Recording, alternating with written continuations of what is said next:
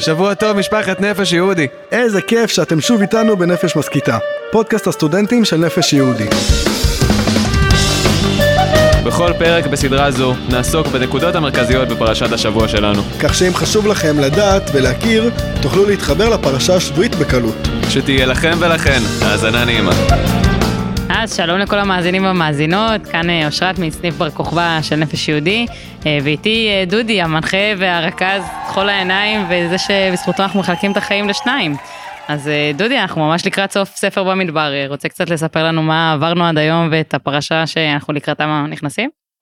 אהלן אושרת, מה קורה? ערב טוב לכולם. איזה כיף הפודקאסט הזה על פרשת השבוע, ואני ממש שמח שנפל בחלקי הפרשה הזו, היא בהחלט אה, יפה מכולם, ואני לא אומר את זה על כל פרשה. לא, לא, מה פתאום. אבל uh, ביקשת ככה איזשהו סיכום באמת uh, על ספר uh, במדבר, כי אנחנו ככה לקראת ההתכנסות, שבוע הבא זה הפרשה האחרונה בספר, אבל גם הפרשה הזו היא בעצם ככה uh, לקראת סיכום. Uh, ספר במדבר. זה בעצם מתאר את התקופה שהעם נמצא במדבר 38 וחצי שנים שהעם, שהעם, שהספר הזה אה, עוסק אבל ספר במדבר כבר בשם שלו אנחנו יכולים להבין שהוא עוסק בנושא של דיבור. ממש משחק מילים. לגמרי לגמרי כי במדבר יש משהו שהמדבר לא באמת מדבר. כי אין שם אין שם דברים שידברו. אבל מצד שני המקום שבו אנחנו הכי נפתחים והכי יכולים לדבר ולהקשיב זה המדבר. וספר במדבר בעצם מתאר את ההחמצה אולי הגדולה ביותר של העם, שבעשר הזדמנויות שונות העם במקום לקחת את הדיבור שמטרת הדיבור זה להעביר דבר מאחד לשני אנחנו מדברים מעבירים דברים מעבירים רעיונות ורעיונות אמורים ליצור חיבור בין בני אדם. נשמע שהיה לנו טלפון שבור שם במדבר. לגמרי לגמרי לקחנו את יכולת הדיבור ויצרנו ממנה פירוד. דיברנו רע על הארץ ובעקבות הדיבור לא זכינו להיכנס אליה נאלצנו לשהות 40 שנה במדבר. משה, מרים ואהרון אפילו דיברו רע על, על, על משה. אגב, מרים בעקבות זה קיבלה צרת, ככה תנ"ך מספר, ויצאה מחוץ למחנה. והרמב"ם יגיד לימים שצרת זה מצורע. ומצורע זה מלשון מצע רע. הוא לקח את יכולת הדיבור והוא השתמש בה למצוא רע.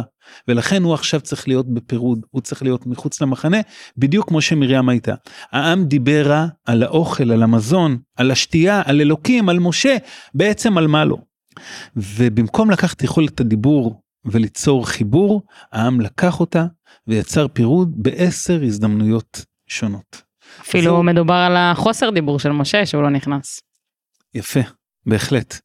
כי משה בעצם אלוקים מעמיד אותו גם בנס... משה אמור היה להיכנס לארץ ישראל אבל משה לוקח אלוקים הוא לוקח את יכולת הדיבור ותתחיל לדבר לסלע והסלע גם יבין אותך אם תדבר נכון. משה לא במקום לקחת את יכולת הדיבור משה משתמש במטה ביכולת ההכאה ביכולת אולי אם נגיד את זה במילה אחת יכולת האמירה.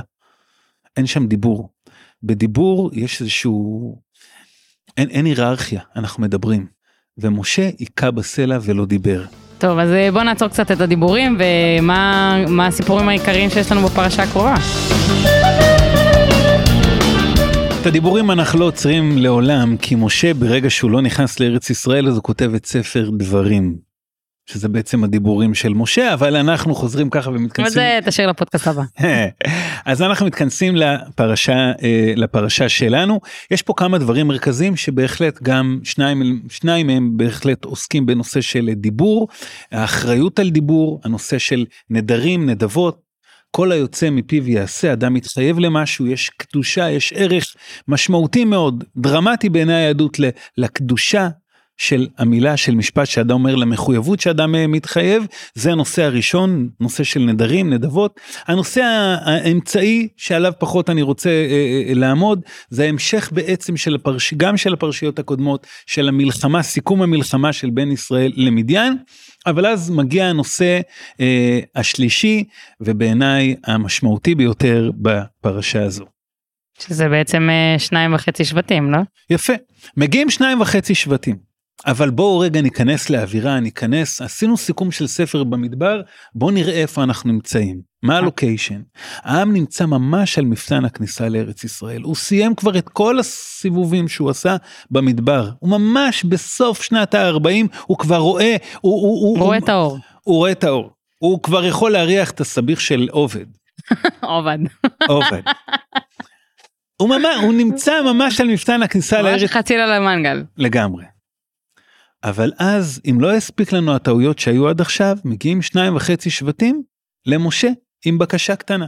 להישאר בעבר הירדן המזרחית ופשוט לא להיכנס לארץ ישראל. 40 שנה בשביל להישאר מעבר לירדן?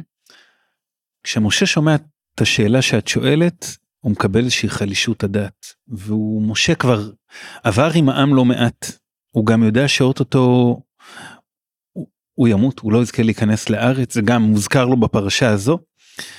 וכשהוא שומע את הדבר הזה כאמור הוא מקבל חלישות הדעת. הרי במשך 40 שנה אולי אפילו במצרים משה אומר להם את דבר השם אני הולך להכניס אתכם לארץ זבת חלב ודבש. ופתאום הם מעדיפים את התפוח הגדול או את אני לא יודע את הנפט של קטר או את העשבייה של עבר הירדן המזרחית ולא את ארץ ישראל וכשמשה שומע את זה ומשה עבר איתם לא מעט הוא אומר להם והנה קמתם תחת אבותיכם תרבות אנשים חטאים. משה שנשכב על הגדר למענם בחטא העגל פה הוא כבר מבין שזהו משהו פה יש פה בעייתיות שהוא לא יכול להישאר אדיש כלפיה. מה זאת פה... אומרת תרבות חטאים? חטא זה מלשון החטאה. אם יש תרבות של חטא זה כמו שאומרים אצלנו תרבות נהיגה. תרבות. שאצלנו זה גם תרבות חטאים אפשר להגיד. כי הוא, הוא מבין שהם החמיצו פה משהו הרבה יותר דרמטי. למה? זה השאלה למה איפה הוא שומע בצליל בדיבור שלהם כי אנחנו הרי לא קוראים תנ"ך אנחנו לומדים תנ"ך. אז אני רוצה אושרת להקריא שני פסוקים ובוא ננסה יחד לשמוע את ההבדל את הצליל את המנגינה בסדר אבל נשים אוזניים של לימוד תנ"ך. כי בעצם הם אומרים אנחנו רוצים להיכנס לארץ לא רוצים להיכנס כי יש לנו הרבה צאן הרבה בקר ובמקום שאנחנו נמצאים בו עכשיו בעבר הירדן המזרחית יש הרבה עשב הרבה חציר לצאן ומשה אומר איך אתם מסוגלים לא להיכנס לארץ? הרי כבר הוא מזכיר להם את חטא המרגלים והיינו כבר 40 שנה במדבר בגלל זה. למה לחזור על הטעות שוב. והם אומרים למשה אנחנו מסכימים אנחנו נתגייס לצבא נהיה הם, נהיה פייטרים. באמת היו גיבורים גדולים התלמוד מספר. נילחם לפני כולם רק אחרי שכולם יכבשו את הארץ נחזור. ואומרים למשה משפט אחד. ויגשו אליו ויאמרו גדרות צאן נבנה למקננו פה וערים לטפנו אנחנו עכשיו נבנה גדרות לצאן שלנו וערים לטפים שלנו ולילדים ונלך ונילחם. וכשמשה שומע את זה הוא מבין שיש פה בעייתיות. הוא אומר להם את המשפט הבא, הוא אומר לא. הוא אומר בנו לכם ערים לטפיכם וגדרות לצונכם. ממש משנה את הסדר. יפה. כי בעצם בלי לשים לב הם אמרו את מה שמשה חשש ממנו. שאחרי 40 שנות נדודים הם קצת איבדו את זה. סדרי עדיפויות אצלם לא שונים אלא הפוכים הם קודם כל דואגים לצאן לרכוש לממון ורק אז הם נזכרים לדאוג לילדים. גדרות צאן נבנה לצוננו ורק העזרים לילדינו. ומשה אומר להם לא לא פספסתם. בסדר תבואו תילחמו עם כולם זה נכון אבל משהו בתפיסה שלכם זה תרבות אנשים חטאים משהו פה לא מדויק ואומר להם משה בנו לכם ערים לטפיכם קודם כל תדאגו לערך של חיי אדם ורק אז לכסף לממון. אתם רוצים כסף זה בסדר זה מצוין אבל תדעו את המחיר. ואגב בפרשה הבאה נעסוק בסיפור של עיר מקלט שזה מקום שמי שרצח בשוגג יברח לשם והתלמוד יספר לנו שבארץ גלעד יהיה הרבה רוצחים בשוגג לא במזיד בשוגג. אף אחד מהם לא ירצה לרצוח במזיד. פשוט הערך של חיי אדם יהיה פחות מערך של כסף, מערך של רכוש, ואנשים לעיתים משלמים בחייהם על הדבר הזה. גם אנחנו מבינים את זה מהחוסר פרופורציה של כמות ערי מקלט. בדיוק בגלל זה. והתנ"ך פה מסיים לנו אולי ככה את ספר במדבר, את הקדושה של המילה. והיוצא מפיכם תעשו. לא רק לדבר טוב, אלא גם בתוך הדיבור, לדעת לבנות את הדיבור נכון. סיימנו עם פרשת מטות, והפרשה הבאה אה, תהיה פרשת מסעי, כמו שדודי ציין. תודה רבה דודי, היה ממש מרתק. אה, ממש חילקתי את חיי מעכשיו ועד אה, פרשת מסעי. וזהו, תודה רבה. היה לי לעונג, ומה שיפה ששנה הבאה ניפגש שוב בפרשת מסעי, עם עומקים ותובנות נוספים, וגם אז חייך יתחלקו. שומרים את זה רק לך.